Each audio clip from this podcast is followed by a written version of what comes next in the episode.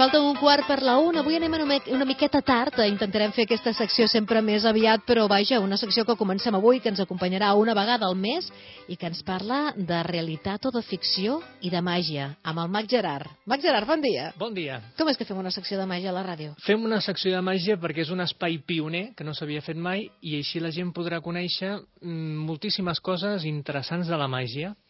El Gerard és un mag que tenim aquí a Tarragona, que més és el responsable d'organitzar el eh, Festival Teatre Màgic, d'això mm -hmm. ja en parlarem, Sí. i bàsicament la filosofia de la secció és donar a conèixer la màgia a través de la seva història, dels uh, referents, dels personatges, amb entrevistes amb mags de renom. Mhm. Fem sumari del que tenim avui? Fem sumari.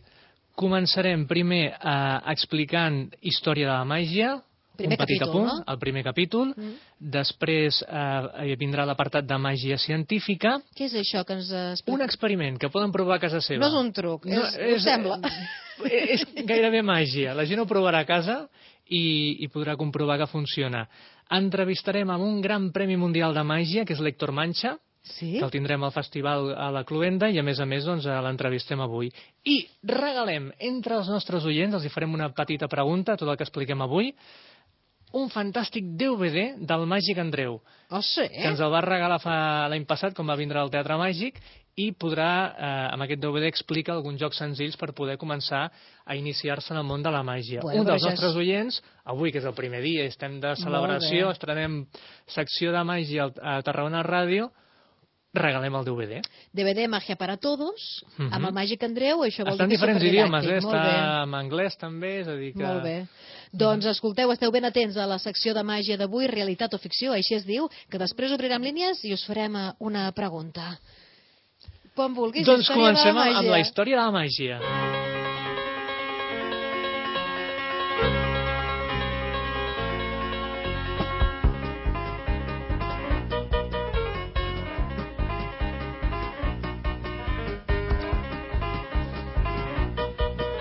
Doncs avui parlarem del John Henry Anderson. I tu et preguntaràs, i qui és el John Henry Anderson? Mm, sí, qui és? Doncs- Sona mag, eh? té, té un nom de mag. Té nom de mag, veritat. exacte. Era conegut com el Gran Bruixot del Nord. Era un mag anglès del segle XIX i era un mestre en l'art publicitari. Publicitar els seus espectacles. Feia desfilades al carrer, dissenyava uns cartells gegants per les places perquè tothom ho pogués veure i va fer gires per Europa i Estats Units en els teatres més importants. Va actuar davant de la reina d'Anglaterra i el príncep Albert, entre molts altres. Segle XIX, això, eh? Segle per XIX. situar-nos. En el seu repertori tenia jocs eh, perillosos com és la bala atrapada, en el qual eh, agafes una Quina bala, por. una bala, un Sí. espectador l'assigna, posa una marca identificatòria, la bala es col·loca a l'interior d'una pistola i l'espectador té la pistola amb la bala. El mag, en aquest cas el, el gran bruixot del nord, se separa uns 5 metres o 6 de distància, posa un plat davant seu, davant de la seva cara, l'espectador dispara la bala, explota el plat i el mag fa un somriure mirant al públic i ensenya que entre les dents ha atrapat la bala i a més a més és l'assignada. Uau. Uau. Clar, és que imagineu-vos, al segle XIX, als Estats Units, estem parlant, jo estic mirant fotografies ara a internet, al Google, Mhm. d'aquest senyor John Henry Anderson. Clar, és un home pues, amb el seu bigoti, la seva armilla, com a molt de Mhm. l'oeste, eh? Exacte. I clar, sí, això sí. de les bales anava perfecte per l'espectacle. Sí. La bala atrapada. La bala atrapada. Però Ui. per què parlem d'aquest senyor? Sí. Perquè va ser el primer mag que va treure un conill de l'interior d'un barret. Ah, sí? Per això eh, està, forma part de la història de la màgia. En el segle XIX, la majoria gent del carrer, gent d'una certa posició de, de diners, portava un barret com a element de vestuari normal. Sí. En el teatre, el, un dels seus números principals era que s'acostava entre la platea de gent, demanava un barret, ensenyava la mà buida i de l'interior del barret de l'espectador treia un conill de veritat. O sigui, no era ni el seu propi No, no, barret. no, era- Ah, xulo. Era un barret d'un espectador i regalava el, el conill a l'espectador. Però això és fantàstic.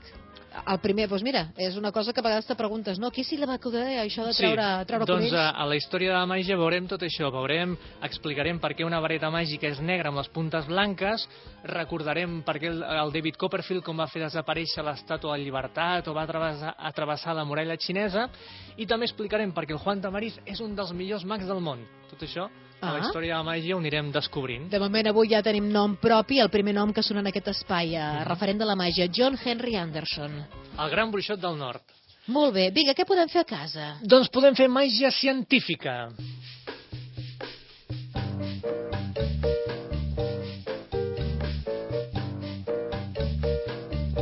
Màgia científica són jocs de màgia, presentacions, experiments que es basen en un principi científic o matemàtic. O sigui que no cal ser ràpid amb els dits, No, ni tenir no, molta no. destresa. És pura química. Pura química, mai tan ben dit. A veure, a veure. Mira, et plantejo el següent. Agafes una copa plena d'aigua fins dalt de tot. Ah. Quantes agulles de cosir creus que podries posar a l'interior de la copa sense que surti l'aigua? Aparentment moltes. No, a veure, la copa està fins dalt. Vas posant agulles de cosir, però quantes? 15, 20... Oi, jo diria que més. No, només 15, 20? No, tinc No, digues, digues, quan- 20, va, 20. 20. No, posi una mica més, si vols. Va, 30. Més de 300. Moltes. Gairebé 1.000. Però són moltes, Gairebé això. 1.000 es no, no, podrien no, posar. No, no hagués dit tantes, Tantes però... no. Com? Per què? Doncs perquè l'aigua no mulla del tot el vidre de la copa, degut, degut a que la grassa que queda al tocar la copa amb els dits eh, fa una, un, eh, un buit a la copa. Sí. Augmenta el volum de l'aigua formant un espai entre els costats de l'interior de la copa. I el volum, si això es calcula científicament, és mil vegades el volum d'una agulla. És a dir, que en teoria podríem posar mil agulles a l'interior d'una copa plena d'aigua i no sortiria l'aigua. Important. Gent amb ganes de provar coses curioses i amb poca feina. Perquè per fer Clar, això... no, no, no. Ha has moltes tindre- agulles. No has de tindre molta feina. Agafes una copa, l'omples fins dalt. Ha de ser una copa, eh? Sí, una copa, No un una got. copa, una copa, fins dalt. Sí. Uh, no s'han de mullar els costats, és a dir, no ha de sortir l'aigua, ha d'estar fins dalt. I es posen les agulles suaument, posant primer la punta i es deixa caure. Primer la punta. La punta d'una No agulla cosint, molt, a molt suaument, Clar, i es deixa caure. Home, no la tirarem des No, no, de no. 300 metres. i, i es deixa caure. Sí. Doncs veuràs que les agulles es van omplint ta, ta, ta, ta, ta, i pots posar 300, 500... Però mil són moltes, són molt de volum, Científicament està provat que el volum equival a mil, Amb- a mil agulles. mil. És aquest el, espai, el buit que queda. aquest buit que queda, que clar, és imperceptible i allà està. Mira que bé. Bueno, aquesta és la màgia científica que avui ens proposes per fer des de casa. Anem a l'entrevista? L'entrevista.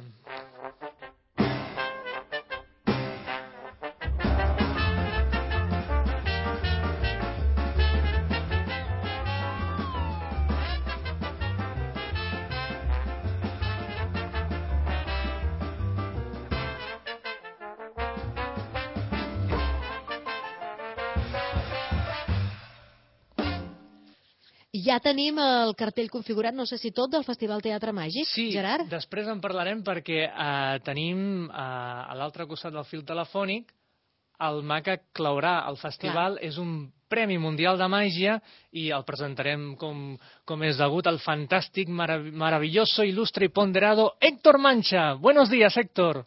Hola, buen día para todos. Buen día. ¿Qué tal? ¿Cómo estás? Pues bien, bien, aquí estamos, esperando vuestra llamada. sí. Fantástico. Para la gente que no te conoce, podemos decir que eres un mago, un presentador, un showman, pero ante todo un, un gran artista con un estilo muy personal, ¿cierto? Pues sí, sí, más o menos me han dado ahí en el blanco, sí. Es, es, eh, intento que sea mi estilo lo más personal posible para diferenciarme del resto, pero vamos, que es muy difícil, ¿eh? Al final No, pero lo, lo que se puede. lo- los que hemos visto tu espectáculo y te, y te hemos visto trabajar, sabemos que ves a Héctor Mancha y dices, ah, es él, no, no es, no es otro. Bueno, ¿Qué, bueno. ¿Qué podremos ver en el Festival Teatra Magic el 23 de noviembre, que a las 7 horas en la Canonja, con tu espectáculo Miénteme? No nos expliques eh, todos los detalles para que la gente se pueda sorprender, pero algún, algún detallito, que la gente que podrá ver. Bueno, pues es un espectáculo un poco, es un espectáculo de magia, pero también está basado un, un poco en la mentira, ¿no? En todo la- el ambiente y el aire de mentiras y de engaños que tiene la magia, que a mí me apasiona mucho, ¿no? Y entonces el espectador no va a saber nunca si lo que estoy contando es verdad o es mentira, si estoy explicando el juego de verdad o de mentira. Y al final mm, todo se resuelve y bueno, no quiero decir mucho más porque puedo que os mienta o puede que no. Héctor, te pregunto. pregúntame, pregúntame. Hola, hola, soy Nuria. Héctor, ¿vas a ¿Qué llevar el bombín? Veo que actúas con bombín. A veces sí, a veces no. El bombín lo utilizo como accesorio, pero vamos, si tú quieres, Nuria, que yo me lo ponga, yo me lo pongo. Pues venga, qué cumpleaños, qué ve. Estupendo. Sí. No, cuéntanos un poco sobre el espectáculo. ¿Con qué trabajas? Con. ah, Pues es un espectáculo de magia de salón, un poco englobado para públicos, mm, bueno, no un teatro de 500 personas, que también podría, pero es más bien englobado para un público más minoritario, Y es un espectáculo de, como magia de salón, es con juego con cartas, o con pequeños elementos que se ven perfectamente, pero que hace que yo interactúe mucho con el público. El público va a interactuar mucho conmigo. O sea que posiblemente, si vienen ciega a verme, los 100 salga del escenario. Los 100, wow. Fantástico. Sabemos que en tu currículum, aparte del Premio Nacional de Magia, también tienes varios premios internacionales de magia. Entonces, ¿cuál es la reacción del público de otros países al presenciar tu magia? Bueno, eh, he de decir que no es mi magia en sí, bueno, es un poquito la magia española, por si no lo sabéis, a los oyentes de la radio, la magia española en el mundo es una de las mejores que existen de magia de cerca y bueno y también en teatros por supuesto. Pero magia de cerca especialmente es de lo que lo que más gusta en el mundo. Hay ahora mismo magos muy buenos que están marcando tendencias en la magia internacional. Con lo cual cuando uno sale al, extranjero a competir y a enseñar lo que uno hace porque así, así es lo que hacemos los magos enseñar lo que hacemos cuando uno sale un poco al extranjero se da cuenta de, cuando te vengan a acercarte es como cuidado viene el español el español viene no y entonces pues un poquito es un poco eso no y, la verdad es que lo aceptan mucho la gente lo acepta muy bien. Lo que más o menos uno hace si es diferente y, y ha de buen buen reconocimiento fuera. Fantástico. Eh, llevas varias temporadas en Madrid con tu espectáculo Miénteme en la escalera Jacob, ¿cierto? Sí, eso es un teatro que hay en Madrid. Sí, un teatro fantástico eh, tu espectáculo es un espectáculo que ya está cerrado o poco a poco vas añadiendo sutilezas, detalles, mejoras en los juegos. Pues mira, si te digo la verdad, nada nunca está cerrado. O sea, cualquier artista en cualquier tendencia, cualquier disciplina, nunca cierra del todo lo que hace.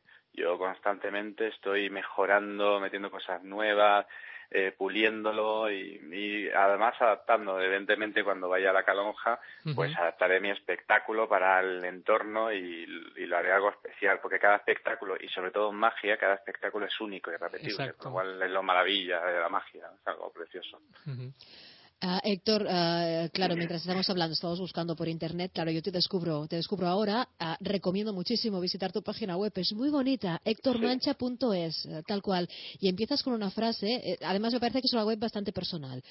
¿Puedo leer la frase del, de la web? Léela, no, muy chula, mira, es muy bonita. La perfección no se consigue cuando ya no queda nada por añadir, sino cuando no queda nada por quitar.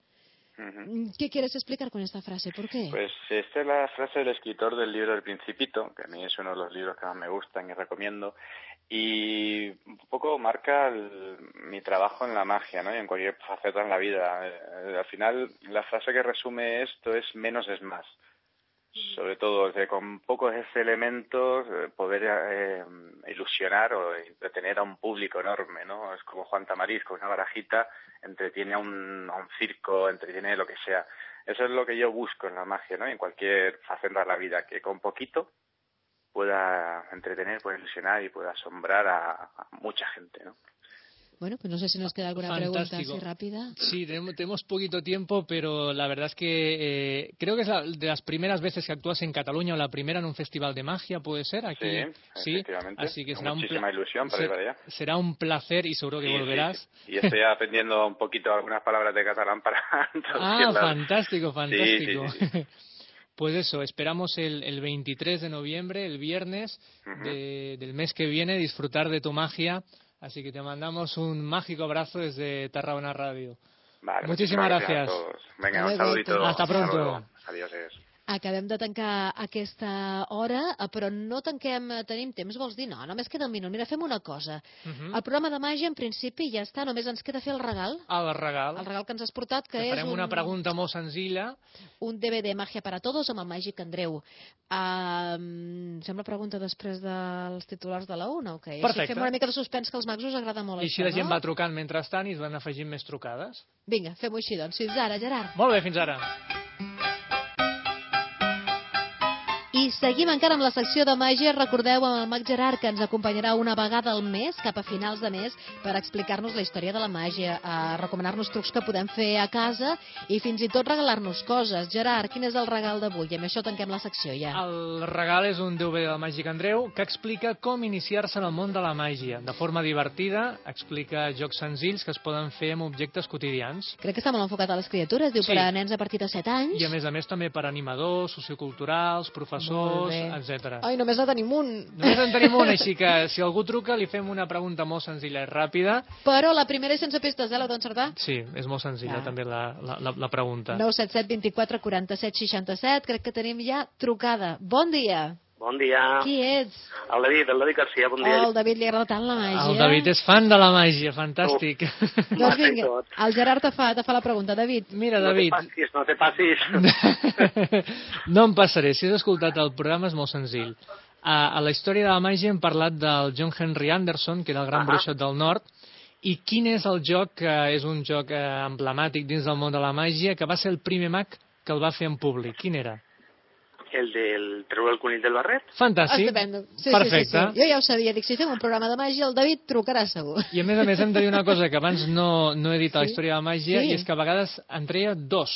Dos conills. És a dir, d'un d'un barret d'un espectador treia un primer conill, la gent aplaudia molt i treia un segon conill amb la mà buida, plup, i regalava els dos conills i el, i el, i el barret de l'espectador. Tu ho has fet mai, això, David, de treure conills? No, no, no, no arribo tant. Però ho has vist fer?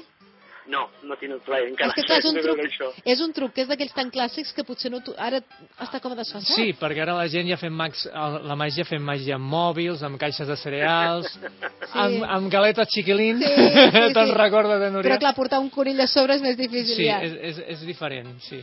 David Garcia, te guardem aquest DVD que a més em consta que la canalla que tens per casa li agradarà molt, eh? Ah, això també. Jo crec que sí. Moltes Doncs- gràcies, eh? Una abraçada. David. Vinga, ens veiem. Adéu. Adéu. Adéu, adéu. I tu l'has tret mai, un conill d'una... Sí, de- sí, sí? sí. Però no ens explicaràs el truc, no? No, home, si no perdria tota la gràcia. Tot de... És important, no?, que el conill sigui... És de veritat, eh? És de veritat. És, és de veritat. Vale. és, és, és, és, Tubet i suau i és mono. blanc de tota la vida, sí, sí, sí. Dues coses abans, de, abans, abans sí. de marxar ràpidament. El mes que ve, del 9 al 23 de novembre, torna el Festival Internacional Teatre Màgic a Tarragona i la Canonja. Tenim nous espais, l'Auditori Caixa Tarragona i l'Espai Quese, que també participaran.